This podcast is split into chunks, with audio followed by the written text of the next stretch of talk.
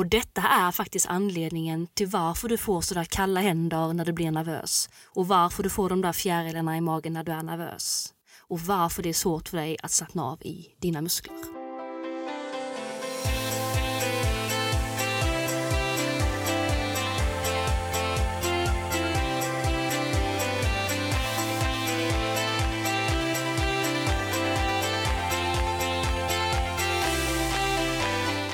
Har du ibland i en nervös eller stressad situation kommit på dig själv med att tänka varför håller jag på med det här eller är det ens värt det?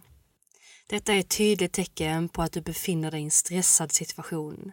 Och tyvärr är ju stress någonting som faktiskt inte hör hemma i sadeln utan gör ofta saker betydligt mycket värre än vad de redan är. Stress ger oss som ett tunnelseende som gör att vi har en oförmåga att tänka klart, att tänka logiskt. Vi kan inte ta bra beslut eller reagera logiskt eller rationellt. Problemet är ju att på hästryggen så är det precis det här vi behöver. Vi måste kunna ta snabba beslut, tänka logiskt, vara följsamma och samtidigt förmedla ett lugn. Inte bara till oss själva utan faktiskt till vår häst också. Ibland hör jag ryttare säga att ja, men på träning så har vi aldrig det här problemet. Då är min fråga, är du likadan på träning som på tävling? Grejen är ju att våra hästar känner ju faktiskt minsta lilla detalj, minsta lilla förändring hos oss. Så fort vi fylls av nervositet, oro eller stress så påverkas även vår kropp. Vår andning, våra muskler och vår puls ändras. Och allt detta känner våra hästar, trots att vi kanske själva inte tror att vi har ändrat någonting. Och det är då vi kan säga ibland att ah, men han kände så spänd på framridningen. I många fall så grundar den här spändheten sig ofta i oss själva. För hur den är så är hästens beteende ofta en avspegling av oss själva. Så i detta avsnittet så tänker jag att vi ska prata om just detta. Vi ska prata om stress. Vi ska prata om hur vår hjärna påverkas av stress under stress, till exempel inför en tävling eller om man har något annat som gör en nervös. För det är först när vi förstår detta, alltså hur hjärnan påverkas av stress och varför vi får de här stresspåslagen, som vi kan lära oss att faktiskt hantera vår stress. Och för att få hela bilden så måste vi börja totalt ifrån början. Vi måste gå flera tusen år tillbaka och vi måste ta en snabb tur i hur vår hjärna faktiskt fungerar. För hjärnan har utvecklats i flera miljoner år. Idag är det en invecklad konstruktion som är kapabel till att bearbeta enormt mycket information på bara loppet av ett ögonblick. Men om vi går tillbaka några tusentals år så var vår hjärna faktiskt ett mycket simplare organ. Under den tiden som ryggradsdjur kom till liv, alltså djur med ryggrad, så utvecklade de hjärnstammen. Och det är just hjärnstammen som är basen till vår hjärna. Hjärnstammen kan man säga är kroppens hushållerska. Vi kan kalla den Ester. Det vill säga den har koll på funktioner som andning, hjärtslag, ögonblinkningar, matsmältning och andra saker som, som håller kroppen vid liv. Alltså kontrollerar den sånt som inte är viljestyrt, alltså sånt som, som sker på automatik. Under tiden sen som utvecklingen fortsatte så utvecklade vi förmågan att känna känslor. Vi utvecklade någonting som heter amygdala. Alltså den delen av hjärnan som har ansvar för våra baskänslor. Alltså så vi kan känna oss glada, ledsna, arga, rädda och så vidare. Man kan också säga att den är som kroppens alarmsystem. Alltså man kan kalla den kroppens vakthund, för det är precis vad den är. Precis bredvid den så sitter det någonting som heter hippocampus som har en väldigt stor roll i vårt minne. Men anyway, vi ska inte göra allting för komplicerat. Utan det jag vill nu är att vi fokuserar på ester, alltså vår hjärnstam, och amygdala. För tillsammans så bildar de någonting som kallas reptilhjärna. Och den här reptilhjärnan kan vi hitta på ett namn till. Vi kan kalla honom Reidar. Reidar ser alltså till så att vi kan andas, vi, eh, vårt hjärta slår, blodet pumpar runt, vi eh, har en matsmältning som fungerar. Alla de här grejerna som vi har pratat om. Och han ser till att skydda oss ifrån faror. Och vi kommer alldeles strax mer till det. Men vi lämnar Reidar lite grann för en stund. Väldigt många år senare, efter Reidar, så utvecklade vi en stor sektion av hjärnan som den sitter precis bakom vår panna och idag så kallas den storhjärnan, alltså den rationella hjärnan. Och låt oss hitta på ett namn till den också. Vi kan kalla vår rationella hjärna för Rasmus. Det är den delen av hjärnan som gör att vi kan tänka logiska tankar. Det är den som gör att vi skiljer oss ifrån djuren. Rasmus gör alltså att du kan planera att du efter den här podden ska till stallet. Du ska köpa fika på vägen och den kan påminna dig om att du sen har träning imorgon. Den kan också göra andra coola saker. Rasmus han är eh, riktigt inne. Han eh, kan tänka sådana här abstrakta tankar, alltså sånt som inte finns på riktigt. Han kan komma på att utveckla nya uppfinningar och så vidare. Denna delen av hjärnan gör att vi också kan göra medvetna rörelser. Utöver detta så finns det en mängd fler strukturer och uppdelningar av hjärnan som man skulle kunna snöa in sig på, men jag väljer att inte ta upp dessa för att hålla allting så simpelt det bara går. För det som är absolut viktigast nu för vår diskussion, det är de här två delarna som vi nu har pratat om.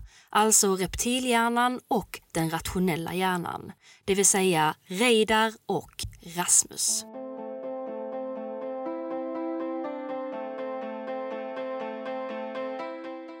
Vi människor, vi gillar ju att se oss som rationella varelser. Alltså varelser som tar sunda och logiska beslut och val. Vi vill att våra val och beslut ska gynna vår långsiktiga plan, alltså våra långsiktiga mål. Men lika väl som vi vet att ett äpple är nyttigare än en kaka och att vi borde betala räkningen istället för att köpa det där nya schabraket så kunde inte vår reptilhjärna, alltså Reda, bry sig mindre om vårt långsiktiga mål, alltså vår långsiktiga hälsa eller vår långsiktiga ekonomi. För vad Reidar tänker på, det är endast nuet. Och vad han tänker på i nuet är endast en sak och det är överlevnad. För om vi spolar tillbaka tiden flera tusentals år så var det så att det faktiskt bara var frågan om en sak och det var att överleva. Det var bara fråga om att överleva länge nog för att kunna föra över eller föra vidare vår DNA till nästa generation.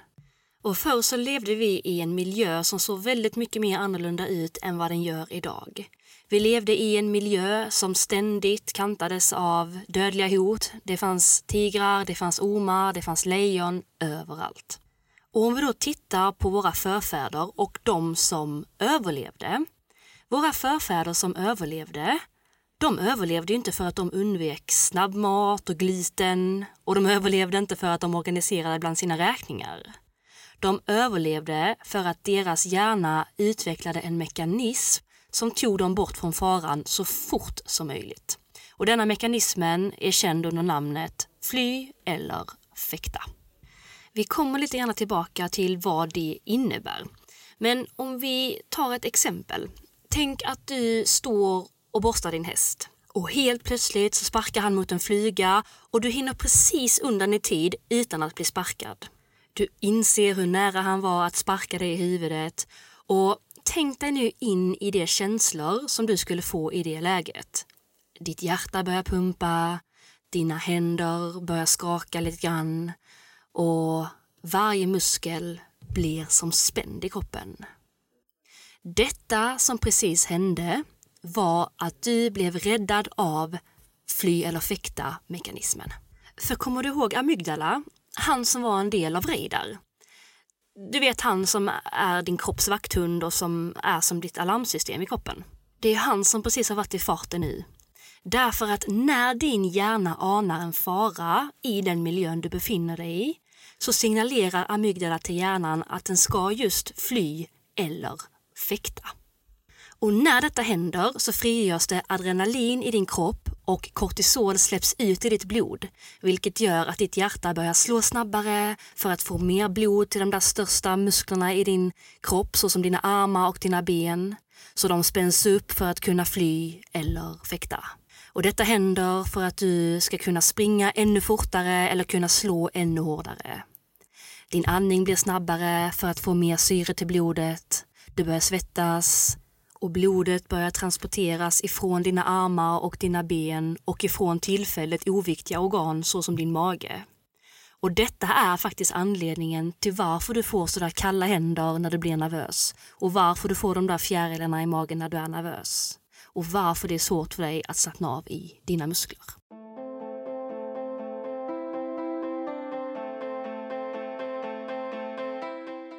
Vad som är väldigt viktigt att förstå här, det är att fly eller fäkta-mekanismen kan aktiveras vid vilken fara som helst. Alltså den kan dyka upp oavsett om det är något fysiskt, det vill säga en häst sparkar, eller psykiskt, som att du oroar dig för att glömma banan.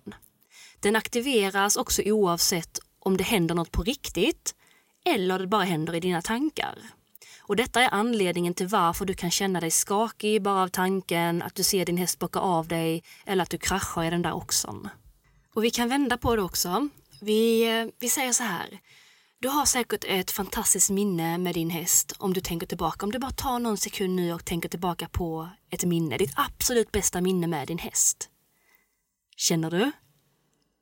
Din hjärna svarade just nu på det här minnet genom att skapa riktiga känslor. För visst fick du en härlig känsla i kroppen nu av det där minnet. Och även om du bara tänkte på det där minnet och inte var i det där minnet på riktigt så kände du känslorna som om det var på riktigt. Samma sak är det om du har varit med om något fruktansvärt någon gång. Du kanske har varit med om, om en krasch i en kombination eller vad som helst. Bara tanken av att hoppa en kombination igen gör dig livrädd. Och bara av att tänka på den där kombinationen så kan ditt hjärta börja gå upp i puls och du kan börja svettas. Och varför det kan vara så här att du kan uppleva riktiga känslor bara av att du tänker på någonting, det är för att din reptilhjärna, alltså radar, han kan inte skilja på vad som är tankar och på vad som är verklighet. På ett sätt så är det ju faktiskt väldigt bra, för det innebär ju att du kan känna positiva känslor genom att bara tänka på något fint. Å andra sidan så kan det också ge dig panik bara genom att föreställa dig något negativt hända. Det intressanta här är att Rasmus, alltså din rationella hjärna som gör att du tänker logiskt, stängs ner när radar är igång. När radar är på gång att fly eller fäkta och när han är påslagen så stängs Rasmus ner. Detta är varför du inte kan tänka rationellt när du är extremt nervös. Det är som att Reidar har kapat Rasmus plan. Det är inte för att du är korkad eller för att du är inkompetent som du inte kan tänka klart, utan det är för att du låter Reidar styra showen. Reidar tror nämligen att du är på väg att bli överfallen av en tiger just nu, så han försöker rädda dig. Reidar förstår nämligen inte skillnad på när du faktiskt håller på att bli överfallen av ett lejon eller när du är på väg att rida mot den där läskiga oxen som du redan har målat upp i ditt huvud är skyhög och farlig. Yes, du har rätt. Reidar han är inte att lita på, för det är han inte. Därför måste vi se till att ha en stark Rasmus med oss på tävling. Vi måste lära oss att hantera Reidar. Så allt detta som vi nu har pratat om, hur hjälper detta dig egentligen? Jo, att förstå hur din hjärna fungerar är extremt bra att veta när du blir just nervös eller stressad. Därför det tillåter dig att sluta döma dig själv för att du känner som du gör.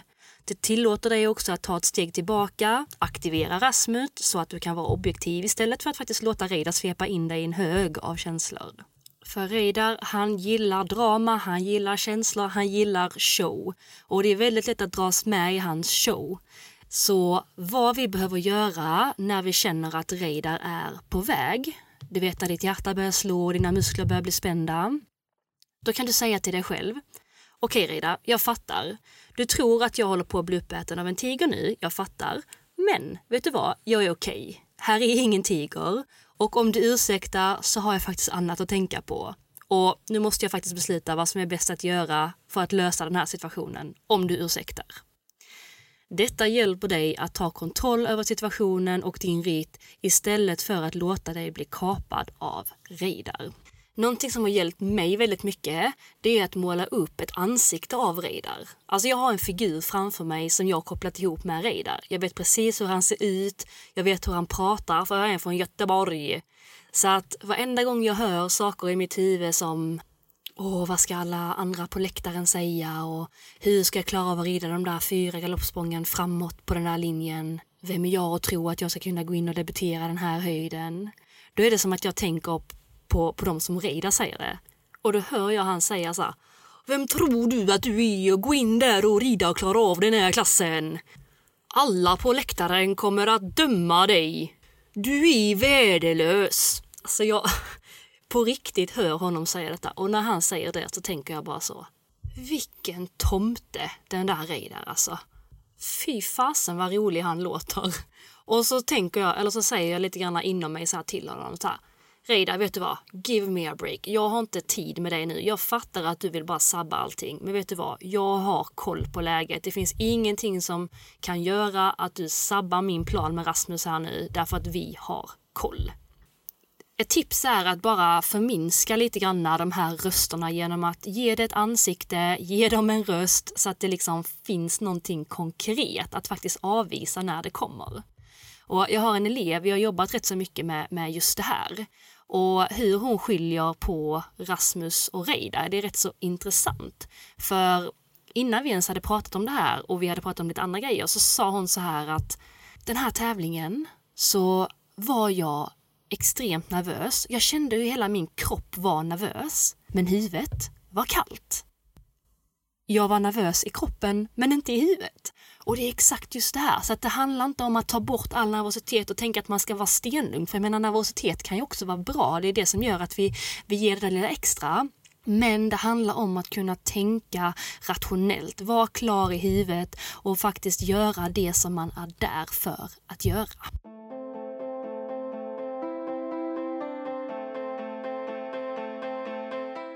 Om vi går tillbaka till det här med nervositet och stress. Nervositet och stress det är någonting som kommer när vi ofta inte har koll på läget.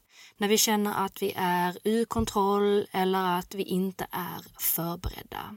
Så därför bottnar allting i att från början ha koll på läget, inte lämna någonting åt slumpen och framför allt komma förberedd.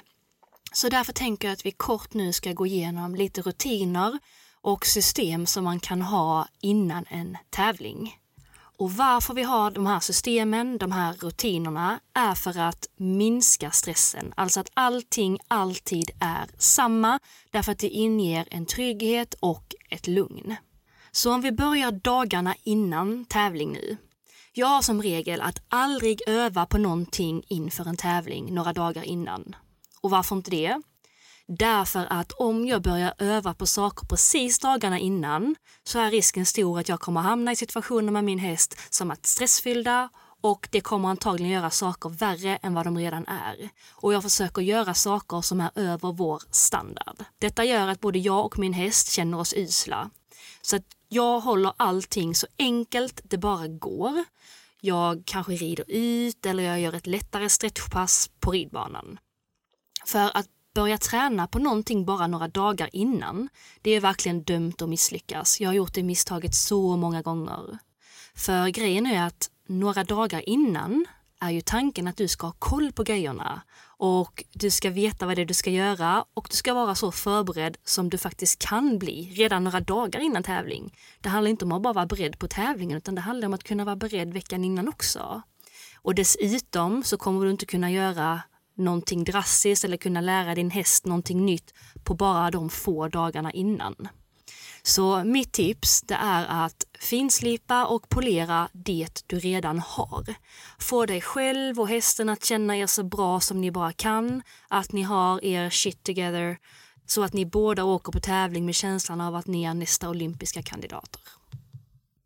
Okej, så om vi då går in på kvällen innan tävling.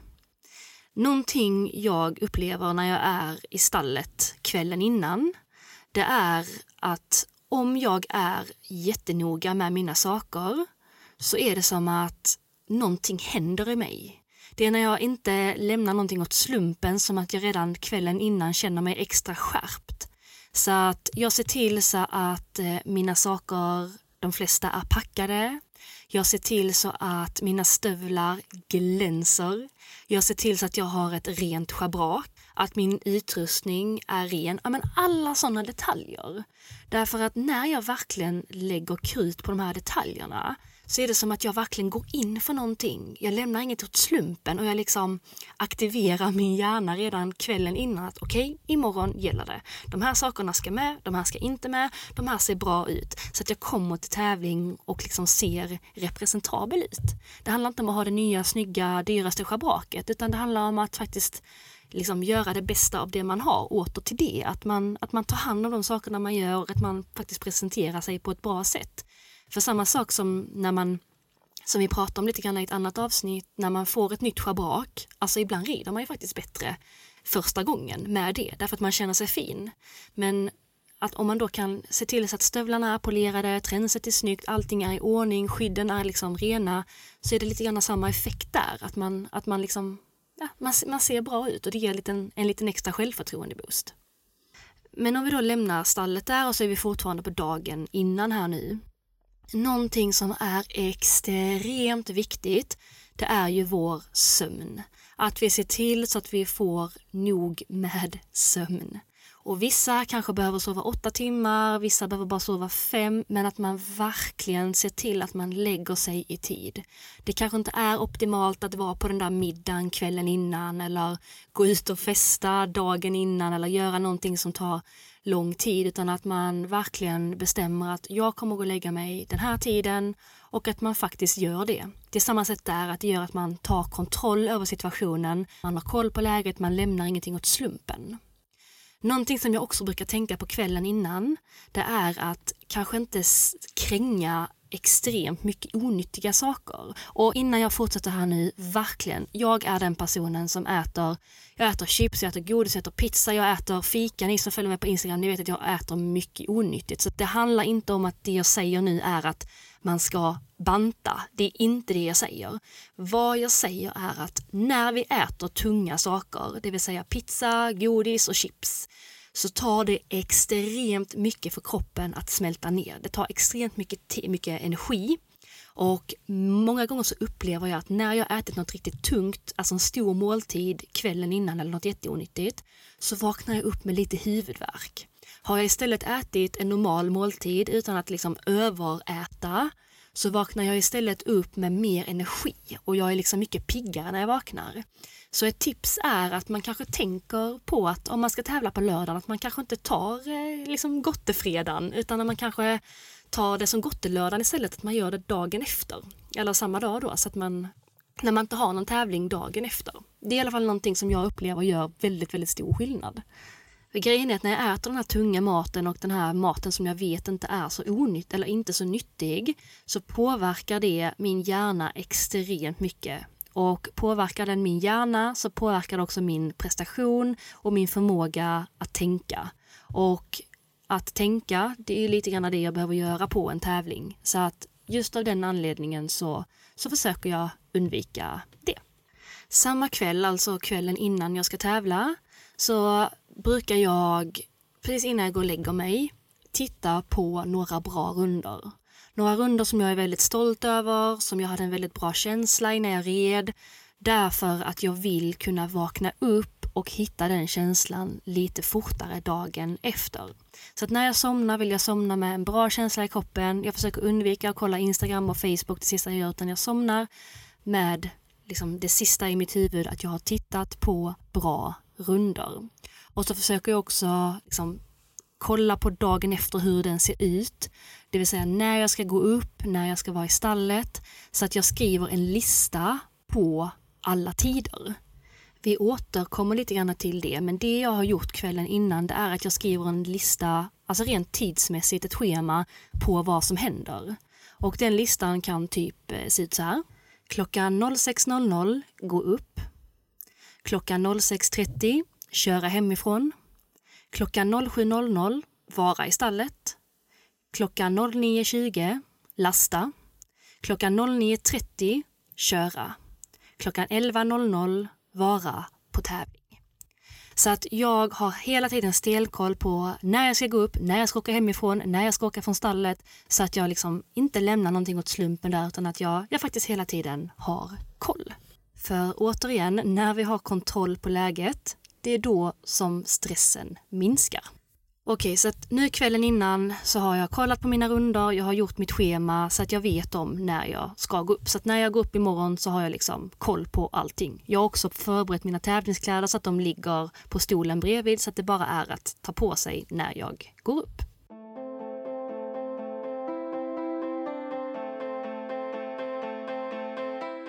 Okej, så då är vi på samma dag nu som tävlingen äger rum. Jag har sett extremt många ryttare glömma sadel, sadeljordar, sporrar när de kommer till tävling. Och allt detta utgör stress. Så någonting som jag alltid har, det är min packlista. Jag har min packlista i mina anteckningar på telefonen.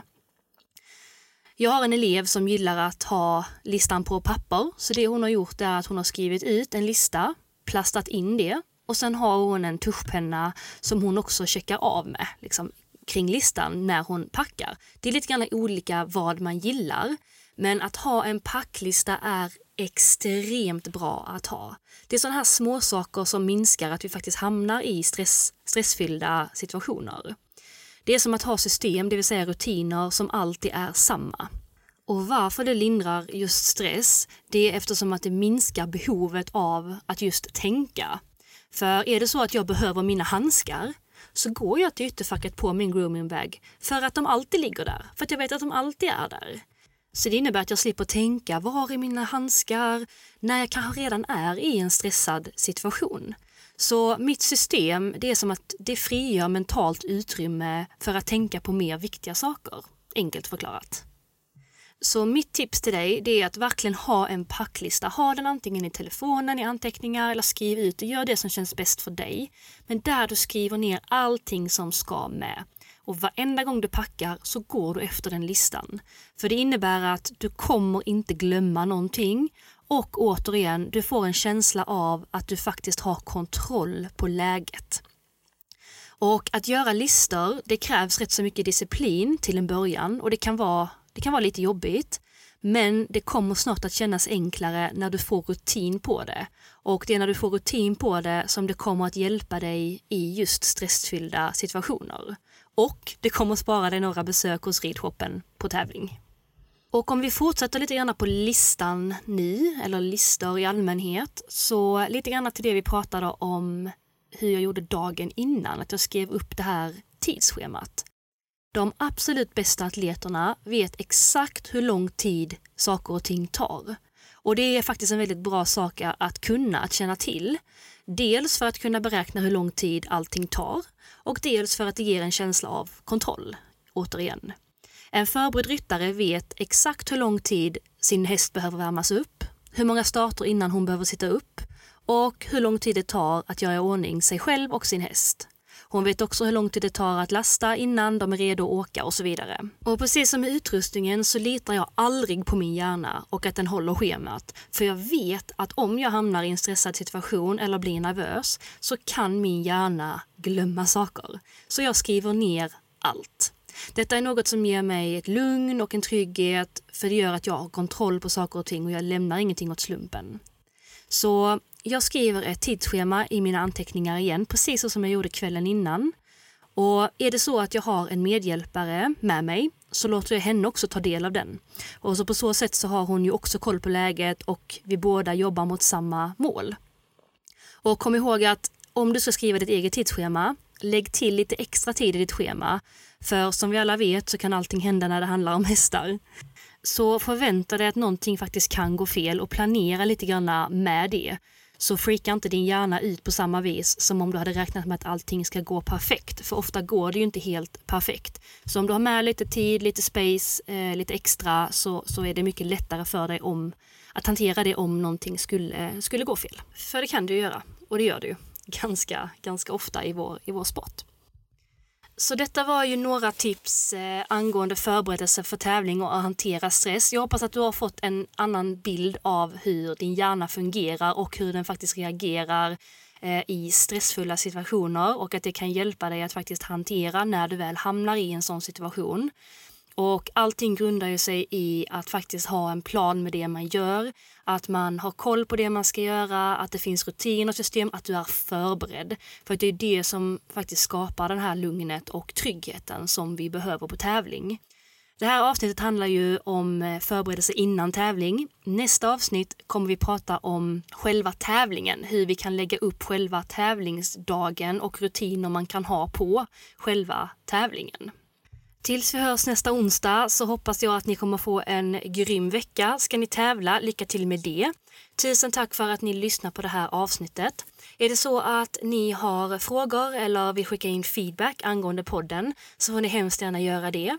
Då gör ni det på mejladressen enmentalhalvhalt ryttarinspiration.se.